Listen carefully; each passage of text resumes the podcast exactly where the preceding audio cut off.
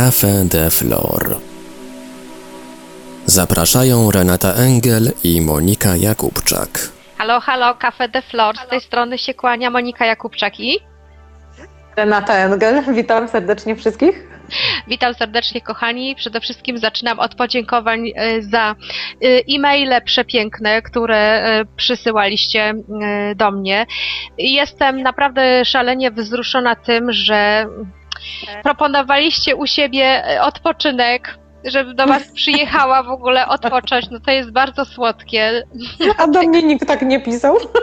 Na- Na, Reniu, to do nas obydwu było e, pisane, ale dziękuję w swoim imieniu.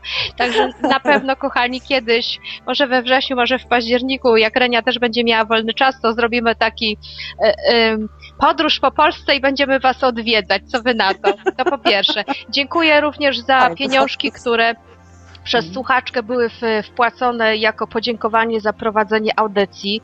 Także dziękujemy Reniu, prawda? W, w imieniu nas Dziękujemy obydwu bardzo, za tak. sponsoring. No to było naprawdę, Dobrze, że taki za to. to było naprawdę niesamowite. Jesteśmy bardzo wzruszone, bo w ogóle nie liczyłyśmy się z taką ewentualnością. To prawda. Miłe zaskoczenie.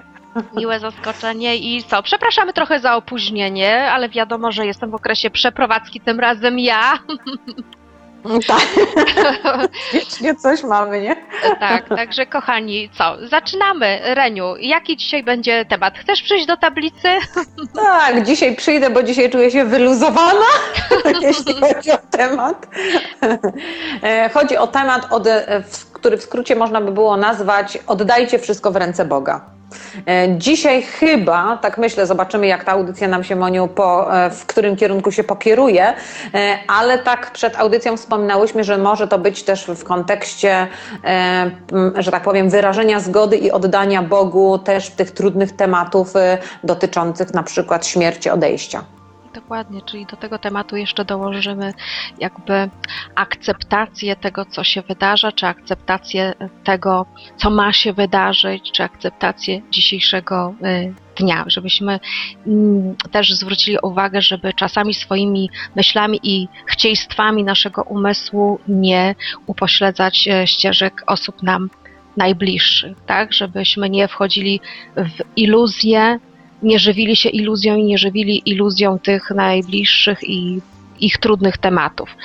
Dzisiaj temat poważnie, ale oczywiście postaramy się troszkę tutaj dobrego humoru również y, wnieść, bo tak jak obiecałyśmy na samym początku powstania Cafe de Flor, że będziemy o tem- mówiły o tematach y, poważnych w sposób troszkę z przymrużeniem oka. Reniu, czyli tej konwencji dalej się będziemy trzymać?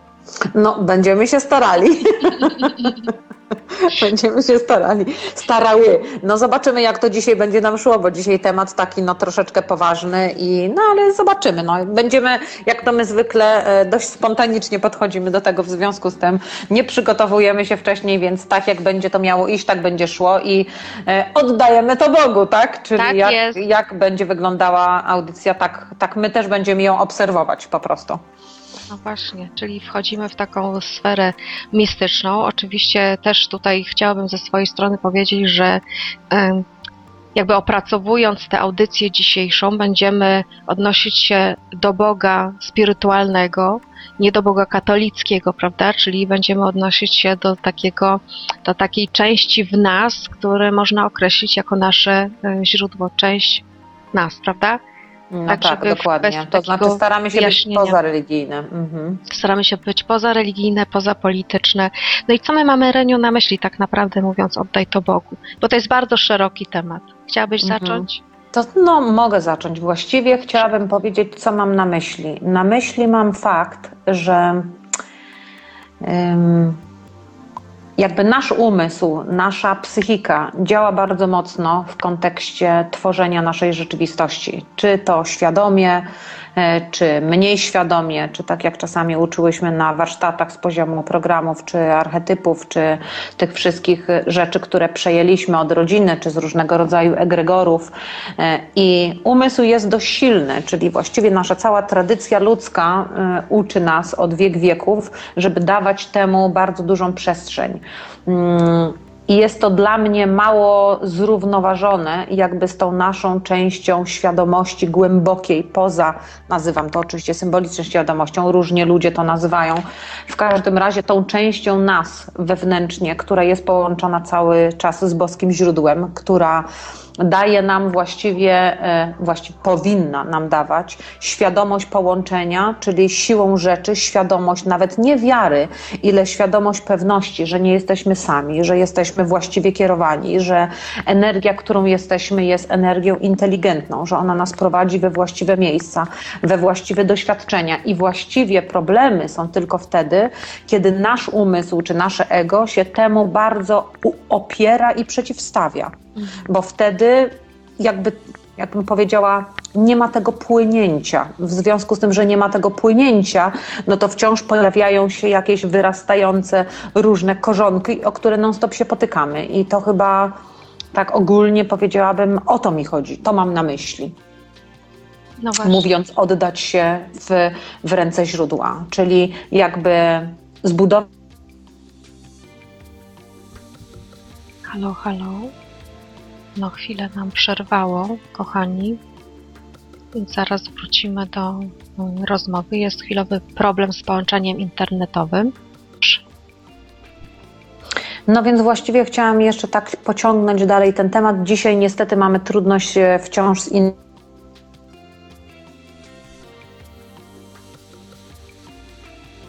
Halo, halo, znowu jest przerywa internet. Halo, Reniu, halo? O, słyszysz mnie, Moniu? Teraz cię słyszę, tak, tak. A przez chwilę mnie nie słyszałaś No niestety, tak. Mhm. E, wiesz co, no myślę sobie może, żeby po, na przykład, e, nie wiem, to może już poza anteną, może pomyślmy o tym, żeby zacząć to nagrywać innego dnia, jeżeli dzisiaj tak ten internet wygląda. Co o tym myślisz? No miejmy nadzieję, że dalej nam pójdzie. Jesteśmy na, na antenie, także kontynuuj na razie, a potem no zobaczymy. No no to dobra, okej. Okay. No w każdym razie to, co chciałam dokończyć, to fakty, że, że moje odczucie jest takie, że właściwie każdy z nas jest połączony z boskim źródłem i właściwie każdy z nas jest prowadzony i właściwie tylko umysł, jak te wystające korzonki, e, jeżeli tym umysłem się sugerujemy, e, tym swoim ego się sugerujemy. To też jest oczywiście kwestia symboliki językowej, jak to ładnie mówią semantyki, bo można znaleźć na to inne słowa. Mm, pokazuje, że, czyli jakby nas wyciąga z tej drogi. Natomiast głównie chodzi chyba o to, żeby po prostu nawet nie budować zaufanie, bo, bo to jest, tylko jakby doświadczyć w swoim wnętrzu, że jesteśmy połączeni cały czas. Czyli żyjemy poprzez umysł, właściwie dzięki działaniu umysłu, żyjemy w pewnego rodzaju fikcji. Dokładnie. Że musimy zaczynać, musimy się rozwijać, musimy coś robić, musimy się starać, musimy wierzyć. Nic nie musimy, bo to już jest faktem. No właśnie. Ja muszę Ci, Raniu, powiedzieć słuchaczom, że po raz pierwszy spotkałam się z takim określeniem give it to God, czyli oddaj to Bogu, 20 e, lat temu, kiedy mm, zaprowadziłam swoją siostrę na e, meeting do Alanonu, ponieważ e, wychodziła ze związku toksycznego z mężem alkoholikiem, to taki miałam pomysł, że żeby mi nie uciekło jakby z tej terapii, to będę z nią siedziała, tak? I dołączę się jakby do tych osób, ponieważ ja też miałam ojca alkoholika, więc właściwie pełnoprawnym byłam członkiem w tej grupie. I tam padło takie sformułowanie, że jeśli nie wiesz, co masz zrobić na dany moment, nie potrafisz podjąć e, decyzji, nie wiesz, co jest dla ciebie słuszne, po prostu oddaj to na ten moment Bogu. On z tobą cały czas. A wiesz co? A może Moniu... Poczekaj, czekaj, bo już jesteśmy na antenie. Mhm.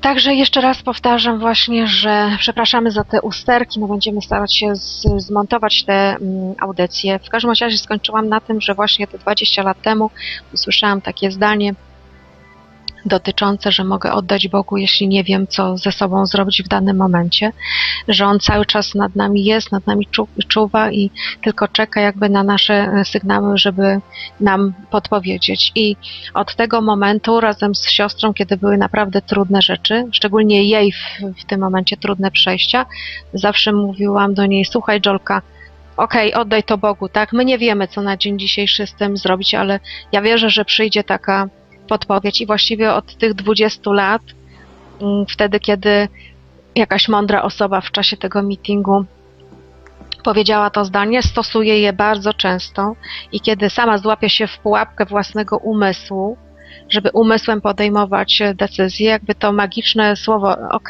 oddaję to Bogu.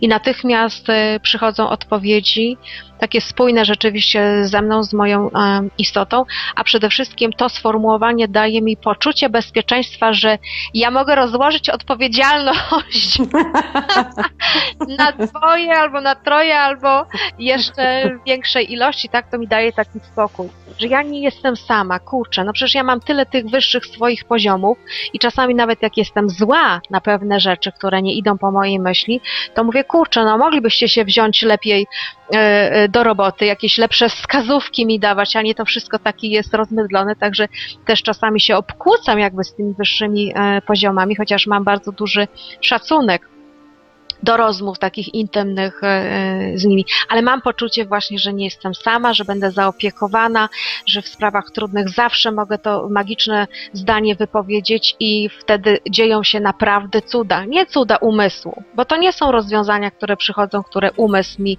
zaprojektował, które są łatwe, szybkie i mają być przyjemne. Okazuje się, że czasami dostaję rozwiązania bardzo pokrętne, prawda? Takie lawirowanie, umysł to odbiera jako lawirowanie, ale potem okazuje się, że efekty jakby e, podjęcia takiej decyzji, no, no nie mogło mi się przytrafić nic e, lepszego. Także Reniu, co? Oddajemy zawsze trudne sprawy, proponujemy ludziom give it to God, oddaj to Bogu tak?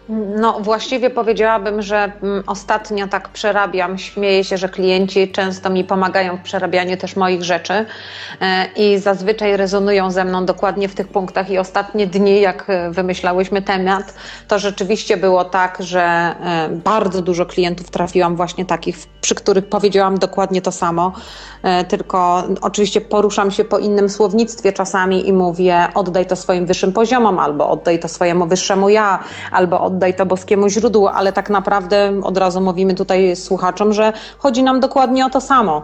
Mm, w związku z tym często, często ostatnio e, nawet się już śmieję, że chyba nadużywam tego słowa, bo mówię, no wiesz, jak już, jak już pani nie ma żadnego innego wyboru i ja tego niestety w jasnowidzeniu też nie widzę, to po prostu oddać to Bogu, a wtedy zawsze można spodziewać się cudów. Dokładnie. Nawet się z tego śmieję czasami. Właśnie. I jeszcze ja dostałam um, kilka e-maili, e, też z góry od razu chcę wyjaśnić właśnie z, um, tę sprawę, dlatego że dostałam e-maile z prośbą o pomoc prawda? No i e, oczywiście ja chcę tym osobom, bo są w trudnej sytuacji pomóc, ale kiedy spojrzałam, prawda, w energię, nic nie widziałam, po prostu nic, tak jakbym się miała w ogóle nie wtrącać, więc kochani, mm przebaczcie mi, albo wybaczcie, albo zrozumcie, że nie odpisałam nie dlatego, że, że nie chcę, czy jestem zmęczona, bo ja sobie wypoczęłam, jestem ok, moja studnia jest napełniona, natomiast dlatego, że po pierwsze miałam się nie wtrącać, po drugie te programy, które y, macie, z którymi się zmagacie w tej chwili, to macie to przerobić i nie ma być to zaburzone jakby żadnymi wskazówkami i przy odpowiedź oddajcie to Bogu.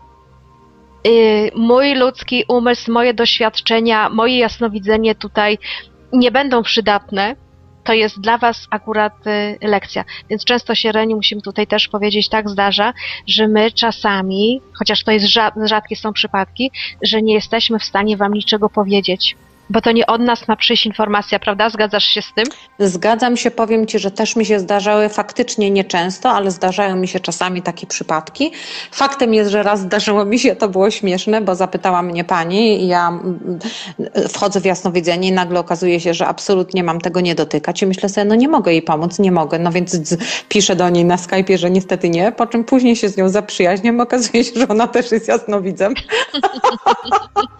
to było zabawne.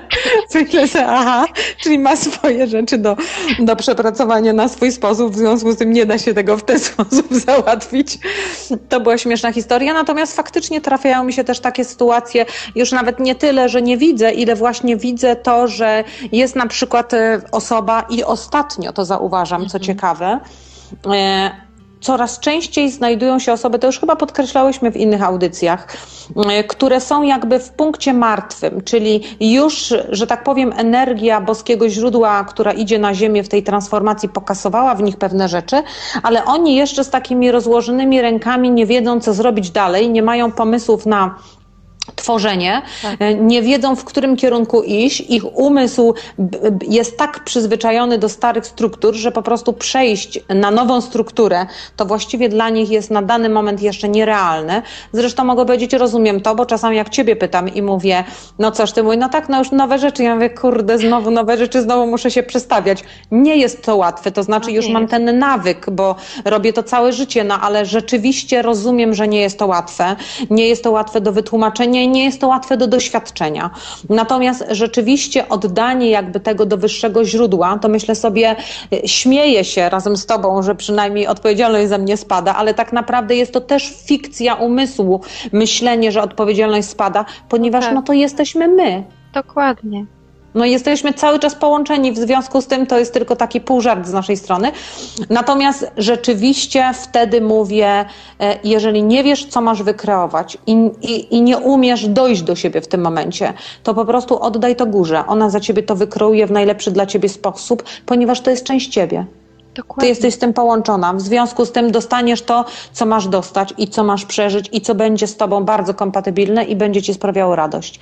I rzeczywiście dużo takich klientów ostatnio mam. No właśnie, jeszcze Reniu, takie mm, sformułowanie oddaję to Bogu uczy na tym poziomie czysto świadomym takiej cierpliwości e, w obcowaniu e, samego ze sobą, prawda? Zauważyłaś? No tak. To już wtedy takie napięcia, prawda?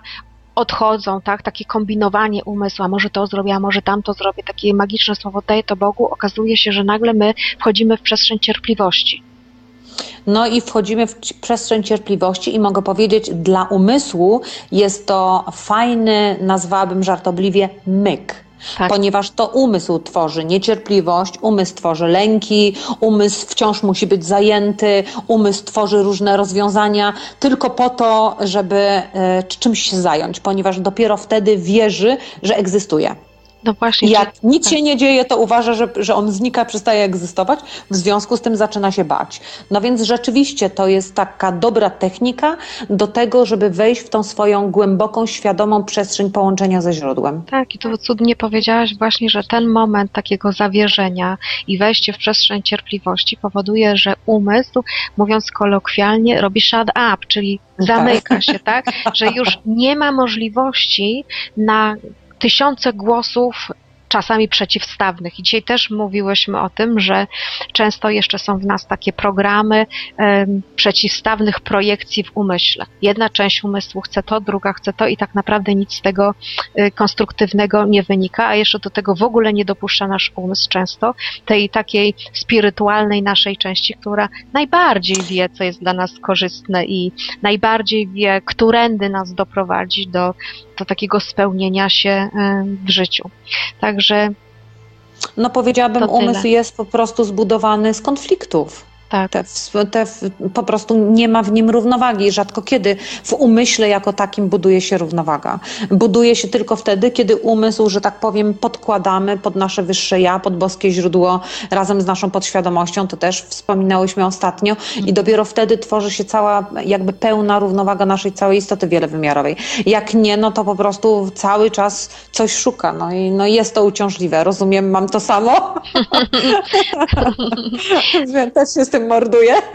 Natomiast no, dobrze jest, przynajmniej jedna rzecz jest dobra, e, dobrze jest, e, dobrze jest mieć świadomość, jaki jest nasz mechanizm, bo jednak między tym, e, że tak powiem, w przestrzeni, poza tym umysłem, jeżeli wiemy o tym, że ona istnieje, to przynajmniej w tych ułamkach sekund, to my jednak możemy, mamy tą możliwość, żeby w to wejść, no to to już nam daje krok po kroku, krok po kroku więcej przestrzeni dla naszej świadomości, a nie tylko dla naszego umysłu i jego gierek, nie? No właśnie, więc to jest jakby takie wejście, pozwolenie sobie na wejście w proces inwestowania w swój rozwój spirytualny. Takie, takie jedno sformułowanie, prawda? Jeszcze raz powtórzymy. Oddaję to Bogu.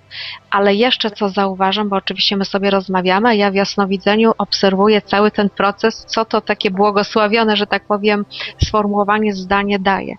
Mm. Wybudza się automatycznie a, opcja wdzięczności za wszystko, co się wydarza Mhm. tak? Bo jak jest a, takie zaufanie, e, jak jest takie zawierzenie ta przestrzeń cierpliwości, to nagle okazuje się, że za chwilę dołącza do tego następne sformułowanie, następna energia.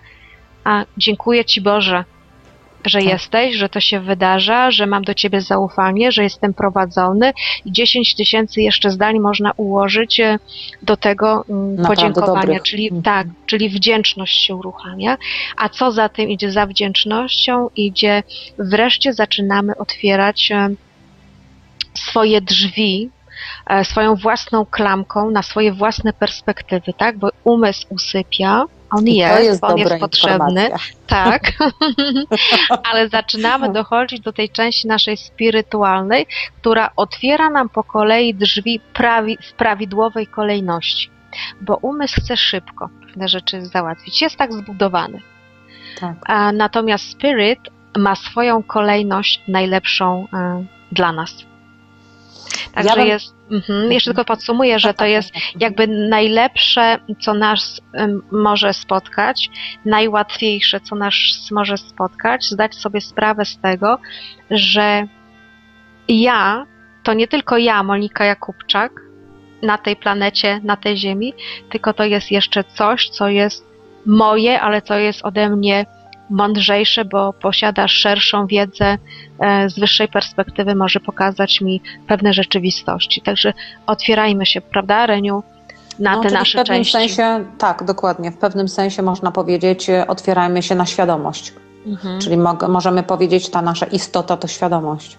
I teraz ja bym chciała jeszcze nawiązać do następnych konsekwencji. Tutaj stanęłyśmy na otworzeniu się mm, na własną część spirytualną, a jeszcze wcześniej była ta wdzięczność. Dalej, jeśli my przekroczymy następny próg, to okazuje się, że dla ludzi już zaczynamy być i pokazujemy swoim wzrostem jakby im ścieżkę, czyli tutaj wracam do, do tej pięknej przypowieści, którą opowiedziałaś w poprzedniej audycji, droga wyasfaltowana, czy droga z kocimi łbami, ja to tak nazwę.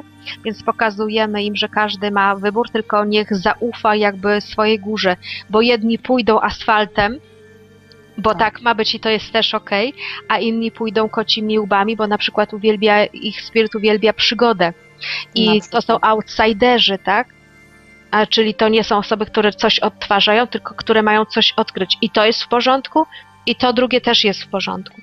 Dalej, my zaczynamy otwierać się na ludzi i mówimy im tak, przyjdź do mojego życia, otwieramy się na życie z ludźmi, tak? Bo zaczynamy wierzyć, czy z, zaczynamy odczuwać z, nim taką, z nimi taką jedność, taką e, pełnię i przestajemy widzieć wroga, konkurenta, tylko zaczynamy inaczej postrzegać e, świat, relacji międzyludzkich. To jest ważna sprawa. I następna rzecz, kolej, i następna rzecz, kochani, kolejna to jest open your heart.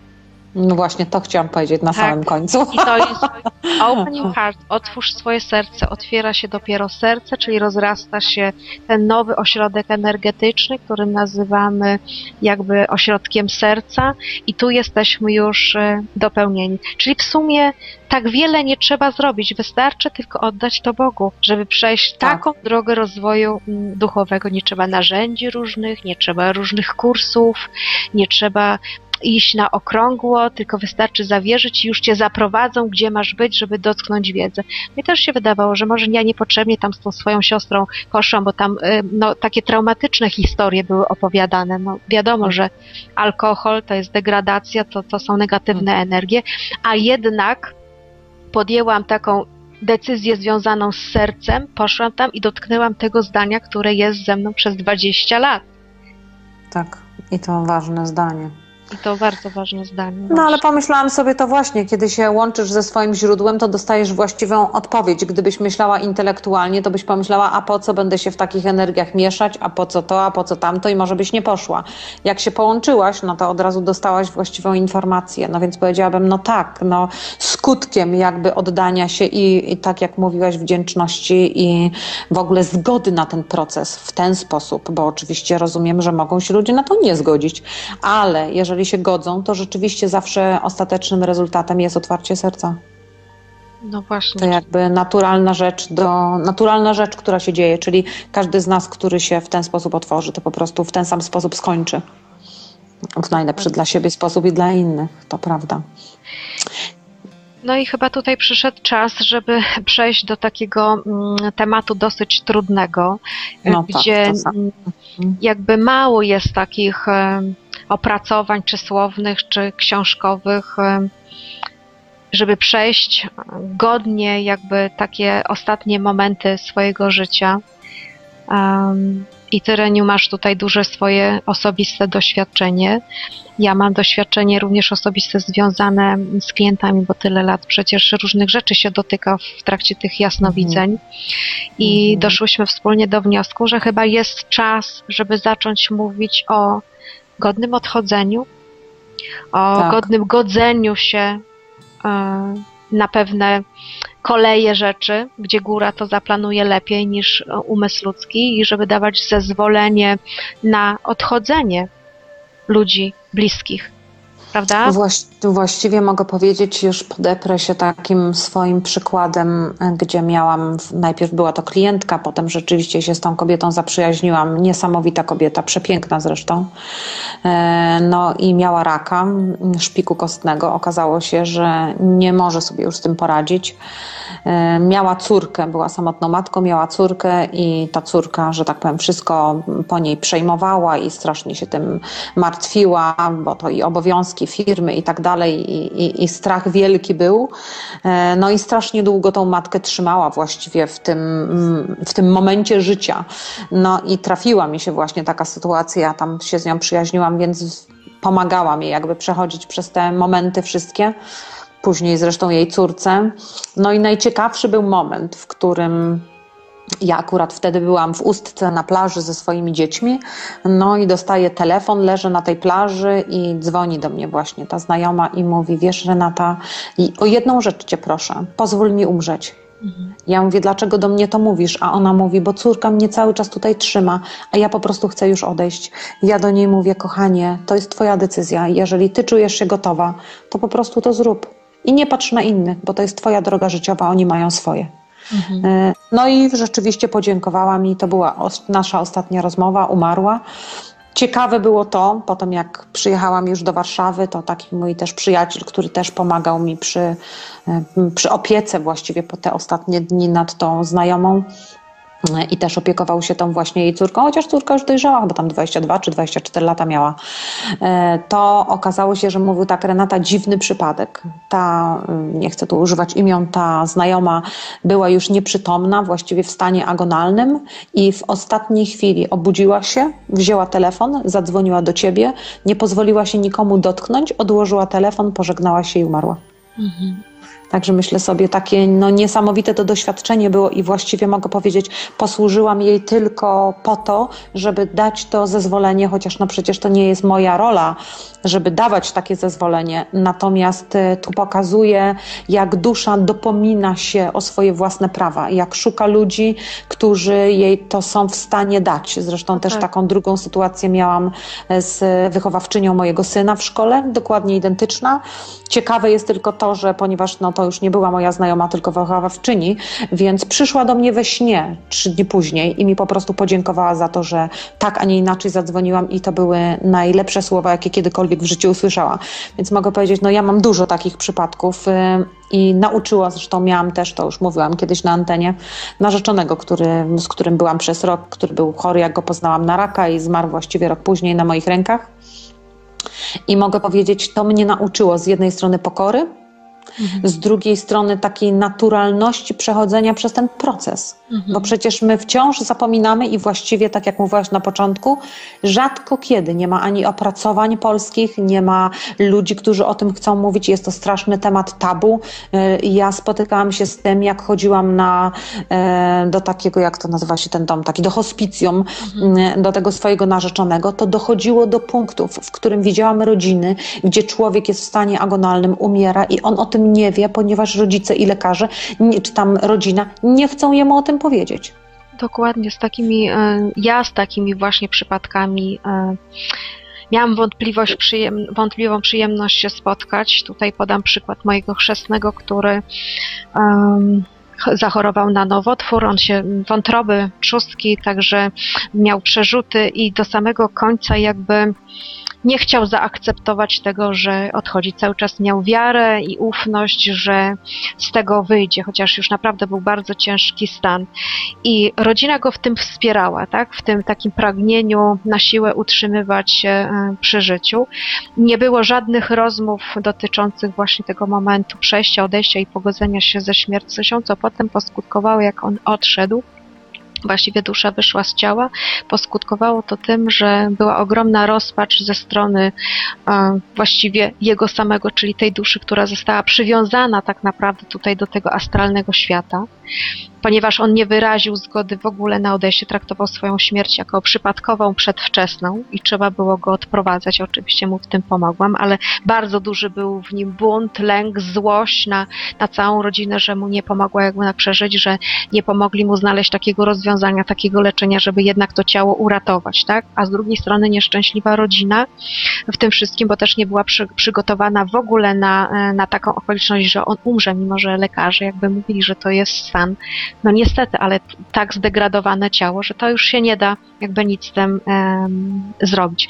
A o ile łatwiej by było właściwie wszystkim zainteresowanym w tej sytuacji omówić aspekt, spokojnie oczywiście omówić aspekt śmierci że to jest naturalna jakby rzecz, jest to wpisane od samego momentu e, naszego urodzenia, tak, że, że jakby wszystkich nas to czeka i że to nie jest nic złego, kiedy my poprzez chorobę doprowadzamy się, czy mamy takie programy, takie doświadczenia jednak do, do takiego efektu, czyli musimy odejść z ciała, bo ciało już po prostu jest wyeksploatowane, e, że do wszystkiego można by było znaleźć jakiś sens, całej tej przygody tutaj na Ziemi, wyrozmawiać, wyemocjonować to wszystko, czyli uwalniać jakby emocje, mieć czas na to, żeby się pożegnać, żeby wyjaśnić stare sprawy, żeby przebaczyć chociażby, żeby porozmawiać o trudnych e, aspektach w życiu tego człowieka i, i tych najbliższych, czyli żeby mieć po prostu czas na to, żeby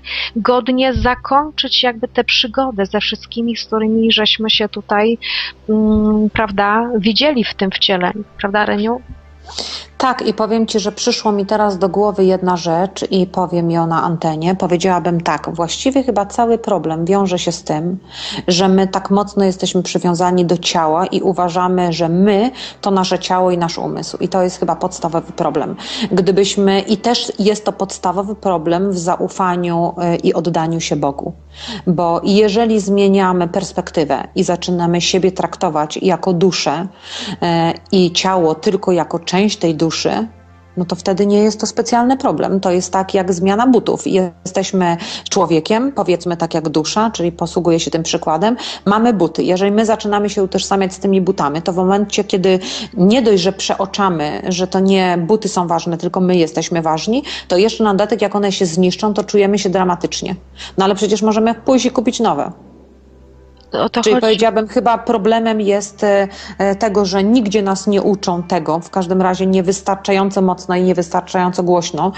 Nie mówi się o tym, bo nawet w kościele katolickim mówi się o tej duszy, ale ta dusza przeciętnemu katolikowi wydaje się kulką energii, która gdzieś tam lata w powietrzu i, i właściwie nie ma do nas żadnego dostępu, a zapominamy kompletnie o tym, że to my jesteśmy tą duszą, my jesteśmy tą istotą wielowymiarową i mm, nasze ciało, jak to kiedyś fajnie powiedziałaś, tutaj pobawimy bawimy się troszkę, jest tylko naszym workiem, no tak. w który wchodzimy i wychodzimy, przeżywamy w nim przygodę i wychodzimy, więc pamiętajmy o tym po prostu cały czas. No I to szczególnie w tych dramatycznych sytuacjach, gdzie, gdzie przypomnienie sobie o tym nie jest łatwe, ale mogę powiedzieć, no przechodziłam przez to, wiem, że nie jest to łatwe, ale jest to możliwe. Ale też pamiętajmy o tym, że Często rodzina nie chce puścić osoby, która naprawdę jest ciężko chora, jest w okresie takim terminalnym, czyli już ma ten w cudzysłowie wyrok, ze względów egoistycznych. To znaczy, jak ja sobie poradzę, co ja teraz bez niego zrobię. I no tak. chciałabym poruszyć sprawę właśnie takiego e, współuzależnienia siebie w życiu od swoich partnerów życiowych, tak? Czyli od dzieci, czy od partnera, czy od przyjaciół. Mm, I tu też trzeba wnieść taką społeczną, jakby dużą pracę, na rzecz usamodzielniania się, prawda, w życiu, żebyśmy byli samowystarczalni, Niezależności, samodzielni, niezależni, żebyśmy nie mieli potrzeby zatrzymywania przy nas pewnych osób, nie tylko takich, które odchodzą, umierają, ale w ogóle, które chcą odejść, y, z pobudek czysto egoistycznych, z pobudek czysto lękowych. Bo jak Dokładnie. teraz dalej będzie nasze życie wyglądało? Ja wiem, że to jest trudne, że to jest bardzo trudny temat, ale właściwie im szybciej zaczniemy robić na ten temat debatę publiczną, tym, y, tym szybciej mamy szansę na zmianę tych wszystkich wzorców, żeby nam się lepiej odchodziło tak naprawdę Tak. i żebyśmy nie byli przywiązani do tego mm, mitycznego życia, tak? Że nie zawsze jest tak jak w bajce, że y, odrodzi się nasze ciało jak Feniks z popiołów. A Jest często żyj tak, długo i szczęśliwie. Dokładnie. Jest często tak, że ludzie wychodzą z opresji bardzo trudnych, ale również jest często tak, że na tyle jest ciało już e, zniszczone, że po prostu nie ma czasu na to, żeby się zregenerowało, albo też i nie jest taki zapis tam na wysokich poziomach, żeby z tego wyjść, tylko ma doświadczyć pewnych sytuacji, a rodzina przy okazji też ma pewne lekcje odrobić, więc takie kultywowanie życia, trzymanie się za wszelką cenę życia jest, e, jakby to powiedzieć, jest coś tutaj odwróconego, jest to coś, co jest toksyczne. Jest to coś, co jest nienormalne wręcz, jeśli chodzi o cykl życia i śmierci. No tak, no pamiętajmy, że śmierć jest właśnie, jak ładnie powiedziałaś, e, składową życia. Tak jak zobacz, Ren, chyba lata 60., z tego co pamiętam, taki boom na zamrażanie y, ciał y, w nadziei, że powiedzmy za 60 czy za 100 lat ktoś wymyśli sposób na uzdrawianie ciała. Leży, jak to się mówi w takich inkubatorach, jak się nazywa ta metoda, już zapomniałam nawet, ale Nie teraz pamiętam, ale Ale wiesz o co chodzi, to chyba Walt Disney nawet się tak zamroził e, w No nadziei właśnie, że go rozlodzą i tam mu to ciało uratują. No absurd, prawda, dochodzi do absurdów po prostu takich spirytualno-duchowych i, e, i ziemskich, tak? Czyli tutaj jesteśmy wychowywani w takiej atmosferze utrzymywania życia za, e, za wszelką cenę. Ja rozumiem, że utrzymujmy zdrowie za wszelką cenę, że utrzymujmy zdrowy styl myślenia i życia i relacji e, z ludźmi. To jest okej, bo to jest spirytualne, ale już utrzymywanie jakby za wszelką cenę życia i życia naszych bliskich i nie pozwalanie im na spokojną śmierć czy spokojne odejście, no to to już jest niedobry objaw. To już nazywa się ingerencją. Tak, tak, tak. Tak, to już, są, to już jest ingerencja i wydaje mi się, zresztą tak ostatnio też dochodzę do wniosku, że to jest też kwestia tego ciągłego naszego brania odpowiedzialności za innych. Czyli e, ktoś umiera, więc od razu dzieci czują się źle, bo matka umiera, to znaczy, że się z nią źle opiekowali. Za wszelką cenę się do końca opiekują i jeżeli umiera, to traktują to jako porażkę. Jak pojawia się śmierć dziecka, to się od razu mówi, a najwidoczniej zrobiłam jakiś błąd, albo błąd w życiu, w albo nie przypilnowałam, czyli mogę powiedzieć, wciąż jest to też gdzieś e, związane z braniem odpowiedzialności. A pamiętajmy, tak jak zresztą to też się tak wydaje, ktoś spowodował wypadek, drugi umarł. Ojej, znowu dramat. Miałam też, opowiadałam o tej sytuacji. z, opowiadałaś. dokładnie, bie, znowu bierze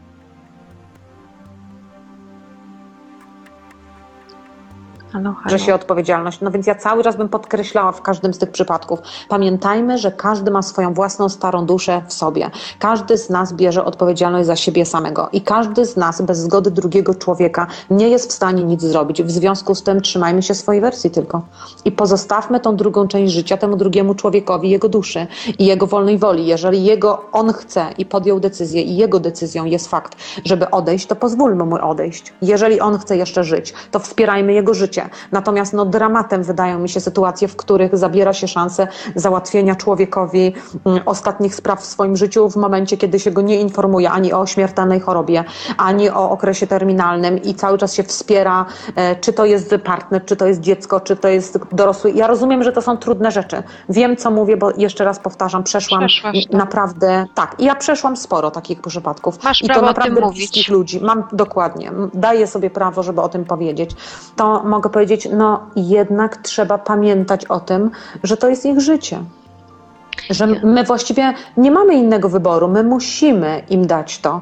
Musimy im dać ten czas e, na pożegnanie się, tak jak mówiłaś, na załatwienie spraw, na, na różne rzeczy. Nie mówiąc o tym, że w momencie, kiedy się najgorsza rzecz, co powoduje lęki? Lęki buduje nieznane. Nieznane.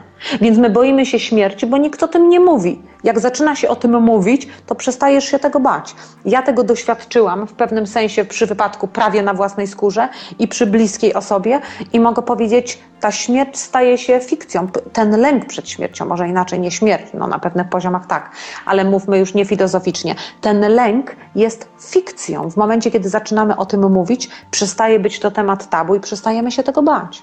No właśnie, często jest też tak, klienci mówią, bo przychodzą tutaj z takimi swoimi życiowymi historiami, że odchodzą jakieś bliskie osoby i do samego końca nie chciały te osoby rozmawiać o śmierci też jest taka, też są takie sytuacje właśnie i wtedy co robić? Czy na siłę ich przekonywać, że no niestety, ale to jest koniec i lepiej się pogódź z tym, czy, czy według Ciebie lepiej po prostu jest odpuścić i zostawić, jeśli nie jest gotowy, no to okej, okay, to ja się sam przygotowuję. To znaczy, ja bym procesu. powiedziała, dla mnie najważniejszym prawem jest prawo wolnej woli. Mhm, no właśnie. W związku z tym ewidentnie zostałabym przy opcji tego drugiego człowieka. Dać jemu prawo, to on umiera, a nie ja. Ja się przygotowuję do jego śmierci, a on się na swój sposób przygotowuje do swojej. Jeżeli nie chce o tym wiedzieć, to jest to jego prawo. Ja mogę mu coś wspomnieć, ale na pewno nie będę go naciskać, bo zawsze zostawiam prawo wolnego każdej wyboru. zresztą sytuacji. Dokładnie. Chciałam wyboru. tylko, wiesz, tutaj sprecyzować, tak, bo tutaj mm. o tej drugiej stronie nie mówiliśmy i chciałabym Wam też opowiedzieć taką historię.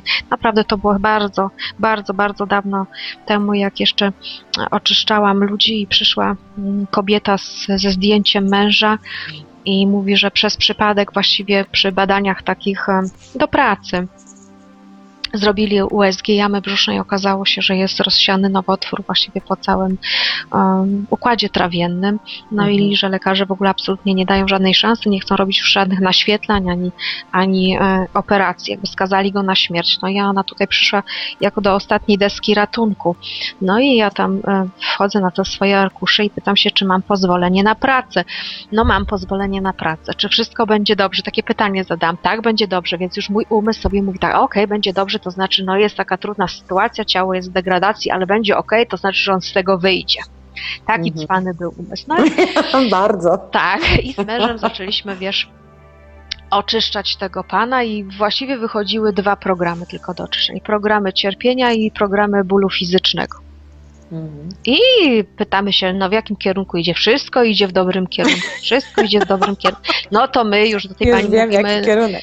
Tak, i do tej pani no nie wiem, jak to pani wytłumaczy, no ale wszystko mamy wskazanie, że wszystko idzie w dobrym e, kierunku. A pani mówi, to co, to będzie żył, a my mówimy, wiesz, logika też mówi, no to jest niemożliwe, tak, taka degradacja ciała. Nie, nie, my niczego nie możemy pani obiecać, ale tutaj góra mówi, że wszystko idzie w dobrym kierunku. I za tydzień pan zmarł we śnie i nie przyjął żadnej dawki morfiny, wyobrażasz sobie? Mhm. Wszystkie programy, które miał przerobić, to więc to cierpienie, ta morfina, mhm. cały ten proces odchodzenia, agonii, jakby ominął to, wyczyściliśmy programy, ale jak dowiedzieliśmy się, że mężczyzna nie żyje, doznaliśmy szoku.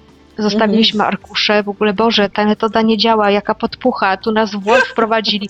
Okropne przeżycie, bo nie było zrozumienia w ogóle tak. procesu.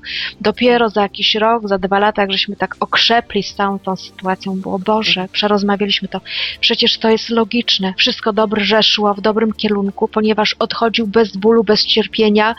Oczyściliśmy tak. mu całą karmę, więc po to, co on tutaj przyszedł, to wszystko zostało oczyszczone i poszedł, mógł zaczynać nowy life, nowe życie. Tak. Tak, dokładnie. Ale zrozumienie przyszło dopiero później. Także ja rozumiem ludzi. Rozumiem ludzi. No ja jestem na innym etapie, dużo przeszłam z różnymi ludźmi, ale, ale też w tym tkwiłam, jakby w tym stereotypie utrzymywania życia za każdą, za każdą cenę, jakby, tak?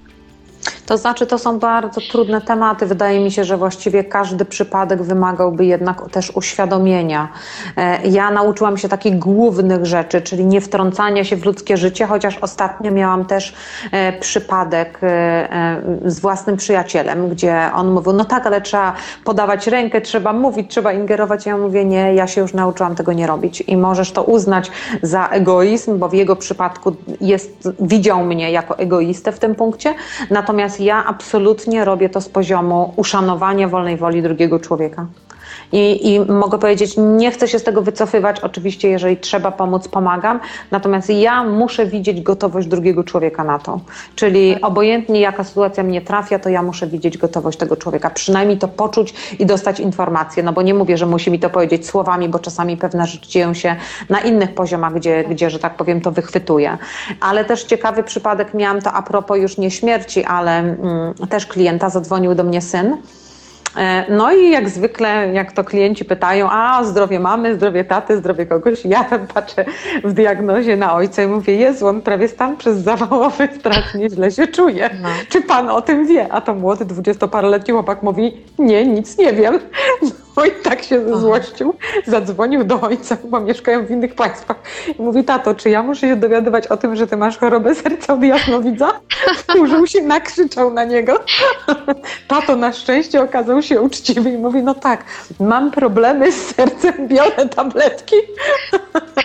Ale, a ja mówię, kurczę, poważne mi to, to serce wygląda poważnie. Tak. No więc on się przejął. No i mówi, ojciec mówi, na szczęście był na tyle uczciwy przed sam przed sobą, że się przyznał i mówi: Bałem się wam powiedzieć, nie chciałem, bo nie wiedziała o tym ani żona, ani syn, ze względu na to, że nie chciałem was martwić. I mogę powiedzieć, to jest też jeszcze głupi przykład tego, jak ludzie w umyśle potrafią krzywdzić drugą osobę. Bo jeżeli spojrzymy na to z poziomu duszy, to mogę powiedzieć tak: zabieramy tym bliskim szansę, gdyby coś się stało, nawet na pożegnanie. Dokładnie. Nawet ta matka czy ten syn nie może się pożegnać, bo żył i dajemy im jeszcze większy szok, ponieważ wszyscy już wiemy, że umysł działa w ten sposób, że do pewnych rzeczy się po prostu przyzwyczaja.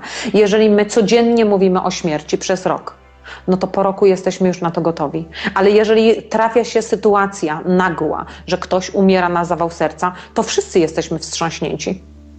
W związku z tym, no, już tych wstrząsów w życiu jest wystarczająco dużo, na które nie mamy żadnego wpływu, przynajmniej na tych świadomych poziomach. No to na, co, na, na to, na co mamy wpływ, no to korzystajmy z tego. Czyli po prostu informujmy o tym bliźnich. Niech oni mają czas na to, żeby się pożegnać, żeby nam coś powiedzieć, żeby od nas się coś dowiedzieć, żeby załatwić określone sprawy. Czasami są to takie zwykłe finansowe sprawy. Mój narzeczony, jak umierał, to po prostu cieszył się, jak dziecko, że wie, że ja przy nim jestem, a że on umiera, bo on wszystko materialne załatwiał i dla niego to było istotne.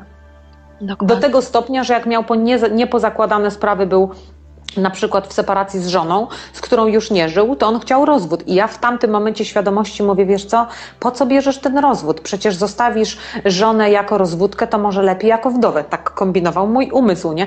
A teraz myślę sobie, a on do mnie mówi tak, nie, nie, nie, nie, nie. Ja wszystko, co tu zacząłem, to wszystko chcę skończyć. I on mnie bardzo dużo rzeczy nauczył, bo rzeczy, które z poziomu umysłu wydawały mi się kompletnie niesensowne, to z poziomu duszy wydają mi się jak najbardziej sensowne. I po latach, bo minęło od tego już sporo lat, no 15, to mogę powiedzieć, ja dzięki temu nauczyłam się czegoś.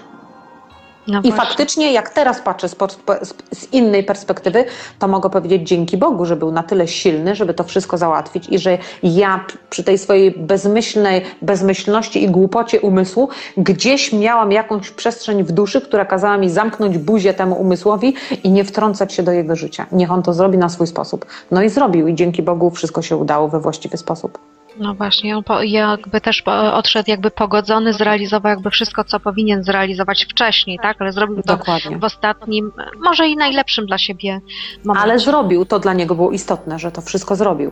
no właśnie, Więc dla ludzi przed śmiercią też jest to istotne. tak? Jeszcze dla ludzi przed śmiercią, tak bym to określiła, ważne, żeby im dać wytchnienie na ten proces, bo Tak. często rodziny, a to jeszcze spróbuj takiej metody, jeszcze tu cię zawieziemy, jeszcze tam cię zawieziemy, jeszcze chemia, jeszcze to, jeszcze tamto i tak się morduje jakby jeszcze tego człowieka, który tak naprawdę w pewnych aspektach chce y, odejść i na przykład miałam taką Tak. em, taką sytuację mm, naszych przyjaciół, mama miała nawrót choroby nowotworowej piersi, była po mastektomii, ale nowotwór wrócił, były przerzuty i poprosił mnie właśnie ten mój przyjaciel, żeby porozmawiać z mamą, ponieważ ona nie chciała już naświetleń, nie chciała, po prostu była zmęczona i nie chciała się leczyć. Mhm. No i myśmy z, z Jarkiem pojechali do mamy i ja przeprowadziłam rozmowę i powiedziałam, że właściwie jest szansa, bo nie była szansa, żeby odwrócić ten proces, jeśli ym, zechce jakby zmienić swoje życie diametralnie, czyli tutaj trzeba by było odejść od męża, zmienić miejsce zamieszkania, zmienić dietę, no i bardzo dużo jeszcze takich obostrzeń, czyli takich, wiesz, jakby pewników, Mhm. które trzeba było zrobić, żeby wyjść z tej choroby. Ona tak patrzy na mnie i mówi, dziecko, ile ty masz lat? Więc ja jej mówię, że ja mam 28 lat. Ona mówi, to jesteś bardzo młoda. Ja jestem zmęczona swoim życiem i mnie się już nie chce tego wszystkiego zmieniać ja po prostu podjęłam decyzję, że chcę odejść. Dla mnie jest za ciężko. W ogóle na tym świecie jest za ciężko i nie mam siły na takie. I mówi, nie mam siły na, na te zmiany. I w pewnym momencie ja tak patrzę na nią i umysł oczywiście ma ochotę ją namawiać, tak, a nie, no trzeba walczyć i w ogóle proszę Mm. się nie poddawać i tak dalej, i tak dalej. Ale jakaś część mnie mądrzejsza mówi, okej, trzeba na to pozwolić, tak. Ja mówię, nie no, w porządku, ale gdyby pani jednak chciała em, jakby zmienić zdanie, ja jestem zawsze do pani dyspozycji. No i tak jak postanowiła, że chce odejść, że już nie ma ochoty doświadczać więcej tutaj na tej ziemi, tak zrobiła. Nikt nie miał na nią wpływu, ale ona robiła to w sposób świadomy, bardzo świadomie y, odchodziła. Co wybudziło we mnie naprawdę absolutny szacunek do tego, jak była dojrzała, e, jak dawała sobie prawo do własnych wyborów, jak nie była istotna reakcja i naciski ze strony e, Czyli jej jak była rodziny, jak była niezależna, to znaczy poprosiła mnie o jedną rzecz, że jak ona odejdzie, żebym zaopiekowała się mm, jej synem, w takim prowadzeniu jej chodziło, jej synem i jej em, córką. No i nie, niestety złożyłam takie zobowiązanie, dlaczego, zaraz powiem dlaczego niestety, złożyłam to zobowiązanie i po jej śmierci jej dusza przychodziła i dawała mi wskazówki, tak? Co mam powiedzieć Mhm. jej synowi, co mam powiedzieć jej synowej, jak mam poprowadzić córkę, żeby skończyła maturę, poszła na studia, więc cały czas była ze mną w takim mistycznym kontakcie i ja w pewnym momencie mówię, coś jest nie, nie w porządku w Nie tej halo. relacji. Tak. No więc odwołałam te wszystkie mm, jakby zobowiązania. Powiedziałam, że przepraszam bardzo, ale to było nieprzemyślane, takie zobowiązanie, że ja mam swoje życie, swoją rodzinę, jej dzieci są dorosłe, a jej miejsce jest nie Jest tutaj na ziemi, tylko bardzo proszę iść tam w swoje em, wymiary. Także stanowczo powiedziałam, nie, to jest, jest koniec, ale też poprzez modlitwę e, w jej intencji em, po prostu odprowadziłam ją tam, gdzie powinna em, być. No niemniej jednak szalenie e, rozważna kobieta, mądra, z olbrzymią świadomością i wiele mnie to spotkanie z nią nauczyło. Naprawdę wiele. No w ogóle chyba spotkania ze śmiercią e, dużo uczą i powiedzieć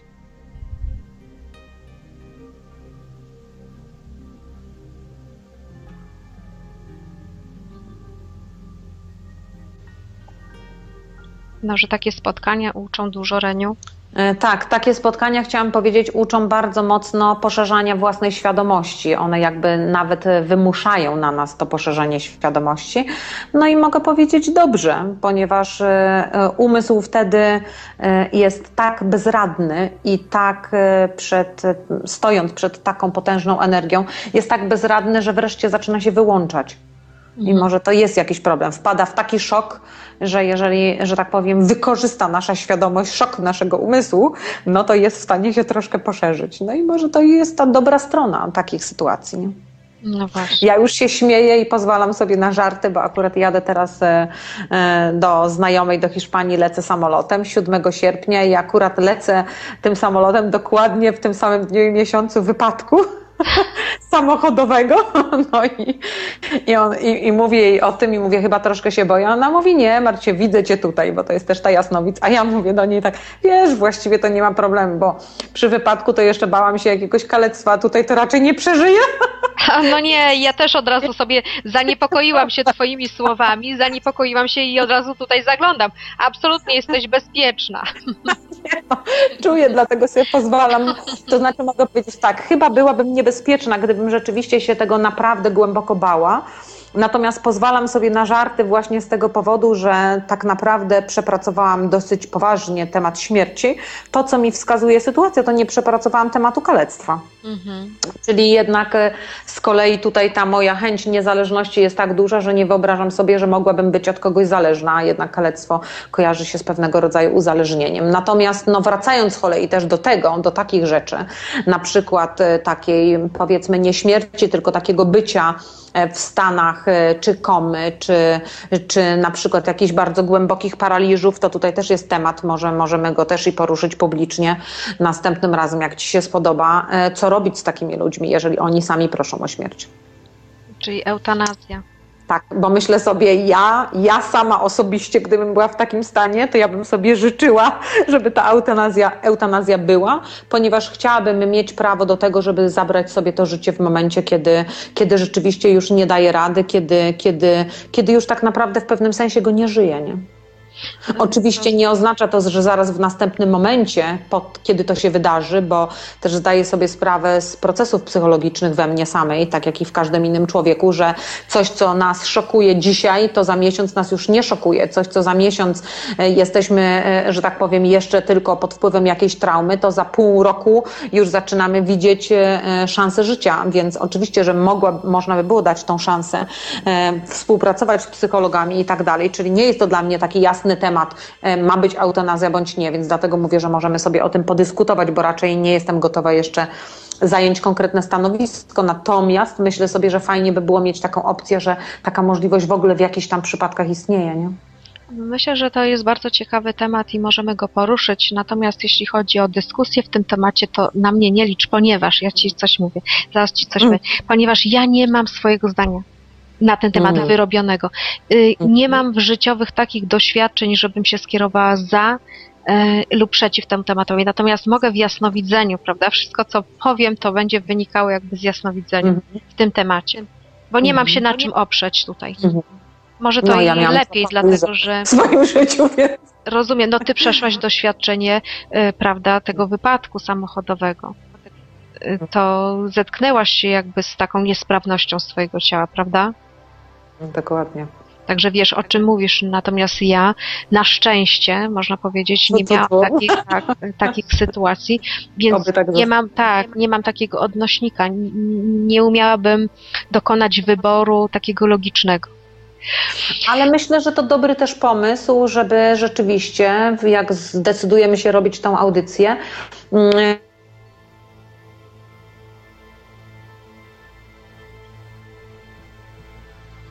Halo, halo, Reniu. No, Jesteśmy znów na antenie, także kochani, Mhm. no bardzo przepraszamy za te zakłócenia, także wydaje mi się, że dzisiaj zrobimy Reniu krótszą audycję, bo naprawdę Tak. coś e, zaburza i, i tak będzie Jarek musiał montować to wszystko. Ale myślę sobie, że te najistotniejsze rzeczy i tak powiedziałyśmy w związku z tym, ym, w związku z tym i tak nie jest źle. No. Nie damy się, nie będą nam przeszkadzać. Tak, nie damy się. No co, może jakieś jedno pytanie od y, słuchaczy? Dobrze. No, Mam takie ciekawe pytanie odnośnie właśnie to będzie powiązane troszkę do, e, do tematu śmierci, umierania i odchodzenia. Rozumiem, jak wpływa na nas księżyc fizycznie, ale jak wpływa na nasze wibracje? Czy księżyc został kiedyś przesunięty ludzką ręką i jak ktoś kiedyś powiedział, jakie ma zadanie księżyc poza zarządzaniem wodami ziemskimi i płynami w naszym organizmie? Czy we wnętrzu księżyca istnieje życie Wiesz co, no dziwne rzeczy mi tutaj wychodzą z tym księżycem, muszę ci No. powiedzieć. no czyli Właściwie to sama nie umiem tego jakoś sprecyzować i ubrać dobrze e, w słowa. W każdym bądź razie jakby musiałabym obalić wszystkie mity dotyczące em, tego postrzegania e, księżyca i wpływu e, na nas te wszystkie informacje, które są zapisane w książkach, w różnych przekazach, Czyli Dla mnie są na fałszywe. ogóle, czyli chcesz powiedzieć, że na nas w ogóle nie wpływa?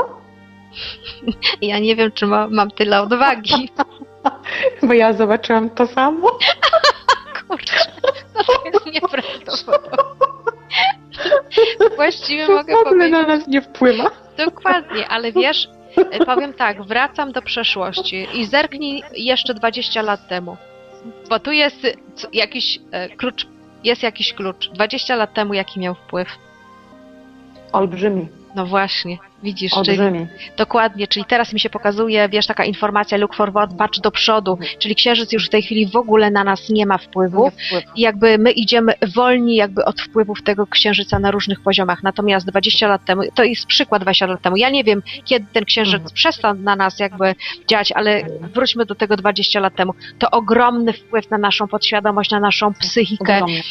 Tak. prawda? I y, czy to można powiedzieć, że to było manipulowanie? Ja chyba bym tak tego nie, nie, nie określiła. Natomiast... A wiesz, że też nie. To znaczy, ja bym chyba powiedziała, że, bo tak znam te teorie, gdzie mówią, że różne rzeczy są zrobione sztucznie. Natomiast jeżeli chodzi o księżyc, jako nie patrzę teraz, czy on był zrobiony sztucznie, czy nie, natomiast mogę powiedzieć, jakby też było w tym dużo z. Dużo z natury, dużo z energii, e, jakby wszechświata, więc nie do końca nazwałabym to taką manipulacją. O tak bym powiedziała. Dokładnie. Więc ja, ja to znaczy tak, przychylam się do tego zdania, dlatego że też nie widzę manipulacji, widzę raczej siły przyrody. Siły przyrody, No siły takie kosmiczne, ale nie ma to nic wspólnego z tym, żeby ktoś nami tutaj miał za pomocą księżyca e, manipulować. Mało tego, teraz jakby poprzez to, że księżyc jakby nie ma na nas wpływu, na tę część naszego podświadomego umysłu, otwierają się znowu możliwości naszego mózgu kreacji, tak? Co mówiłyśmy w poprzedniej audycji, że to jest era kreowania. I to jest spójne z tym tematem poprzedniej audycji, ponieważ księżyc mm, jakby pilnował tej naszej podświadomości, tak? Tego świata cieni. W tej chwili on nie funkcjonuje i przechodzimy jakby w kreację. Nie czyszczenie podświadomości, tylko w kreację naszej rzeczywistości, co to jest nieprawdopodobne. Ciekawe, to znaczy ubawiłam się, bo ciekawa jestem, czy zobaczysz to sam, bo myślę sobie, kurde, jasnowidzenie mi się skończyło, czy co? Czy ja po prostu nic nie widzę? No też jestem w to szoku, ubawiło. ale odważnie się przyznałyśmy, Tak, co? grzeczne jesteśmy i uczciwe wobec jasnowidzenia. No to przynajmniej tyle dobrego. No właśnie, także a propos księżyca, to tutaj e, powiedziałyśmy, przepraszamy, że tylko jedno pytanie, ale mamy problemy, właściwie to chyba z mojej strony, mój internet e, troszkę siada. Techniczny mocno. E, Tak, więc obiecujemy, że troszkę więcej odpowiedzi na pytania będzie w następnej audycji. Czyli co, Reniu, przechodzimy Czyli, do ogłoszeń parafialnych. No proszę Cię bardzo. Proszę Cię bardzo, ja zaczynam. Kochani, nazywam się Monika Jakubczak, zapraszam Was na indywidualne sesje jasnowidzenia, zapraszam Was na sesję przez Skype'a albo osobiście, ale już kochani nie do Krakowa. Mam nadzieję, że w przeciągu najbliższego tygodnia będziemy się przeprowadzać. Mam nadzieję, że to miejsce jakby nie ucieknie nam, że, że będzie wszystko w porządku, że będziemy mogli go wynająć. W każdym razie jest to obszar pod Krakowem 35 km. Do Myślenic byście dojechali, z Myślenic byśmy Was zawsze odbierali. Zapraszam Was na kurs y, Droga do Wolności w nowym miejscu, gdzie, ma, gdzie będzie dużo miejsc noclegowych, jest piękny ogród, gdzie Dojazd jest do nas świetny, mamy dwa rowery, będziecie mogli sobie robić wycieczki krajobrazowe. Jest dużo szlaków y, pieszych, naprawdę przepiękny y, region. Także oprócz kursu będą jeszcze medytacje, będą jeszcze ćwiczenia sportowe, będziecie sobie spacerować. Postaramy się tak to wszystko zorganizować, żebyście w piątek już przyjeżdżali. Do niedzieli, w niedzielę będziemy Was wieźć do Myślenic, a stamtąd już sobie będziecie jechać do e, Krakowa. Także dużo się dzieje. Mam nadzieję, że wszystko wypali. Trzymajcie kciuki, żeby to miejsce nam nie zniknęło znowu, żebyśmy mogli transakcje zrealizować. No i to wszystko, Reniu. A, no i jeszcze to jedzenie. Będziemy dalej kontynuować. Dobre jedzenie. Halo? Halo, Reniu? No znów jesteśmy na łączach. Szybciutko mów, żeby nas znowu nie rozłączyło. No więc e, szybciutko powiem o sobie. No Renata Engel, też jestem jasnowidzem, też e, robię sesje indywidualne, więc zapraszam w większości na Skype'ie, ponieważ Halo, halo? Halo? Halo, halo? Halo. No już teraz jesteś z powrotem. Ja Cię słyszę, ja Cię słyszę. No dzisiaj to po prostu jest koszmar. No więc zapraszam na sesje indywidualne, zapraszam też na warsztaty sierpniowe, już są zajęte, tu jeszcze wciąż dostaję e-maile, ale już jest e, naprawdę duża liczba osób, więc zapraszam na 7-8 września i prawdę mów- mówiąc już od października, listopada zaczynamy myśleć o tym, żeby warsztaty troszkę przeprofiliować. Przeprofilować je troszkę na właśnie tworzenie i już y, daję sobie ten sierpień na myślenie o tym, na zbieranie informacji z góry, żeby to jakoś poszło w taki dla mojego umysłu też, bo na razie mam tylko luźne informacje, a w swoim umyśle też to muszę jakoś tak poukładać, żeby Wam było łatwiej. W związku z tym zapraszam, oczywiście na mojej stronie są wszystkie informacje pod y, linkiem seminaria i tam e, każda nowa rzecz będzie, będzie włożona i będzie ta informacja dostępna. Także zapraszam wszystkich serdecznie. Dziękujemy, zapraszamy do wysłuchiwania również naszych następnych e, audycji. Przepraszamy dzisiaj za takie usterki, ale miejmy nadzieję, że audycja będzie się podobała. W każdym bądź razie wszelkie namiary będziecie mieli na początku e, filmiku i na końcu. Na końcu. Żegnamy się, buziaki, do następnego Dziękujemy spotkania. bardzo. Do usłyszenia. Pa. Pa. Archiwalne odcinki audycji Cafe de Flor znajdziesz do pobrania w archiwum Radia Paranormalium, a także na serwisie YouTube, na kontach Renaty Engel i Moniki Jakubczak, jak również na stronie Renaty Engel www.engelrenata.com.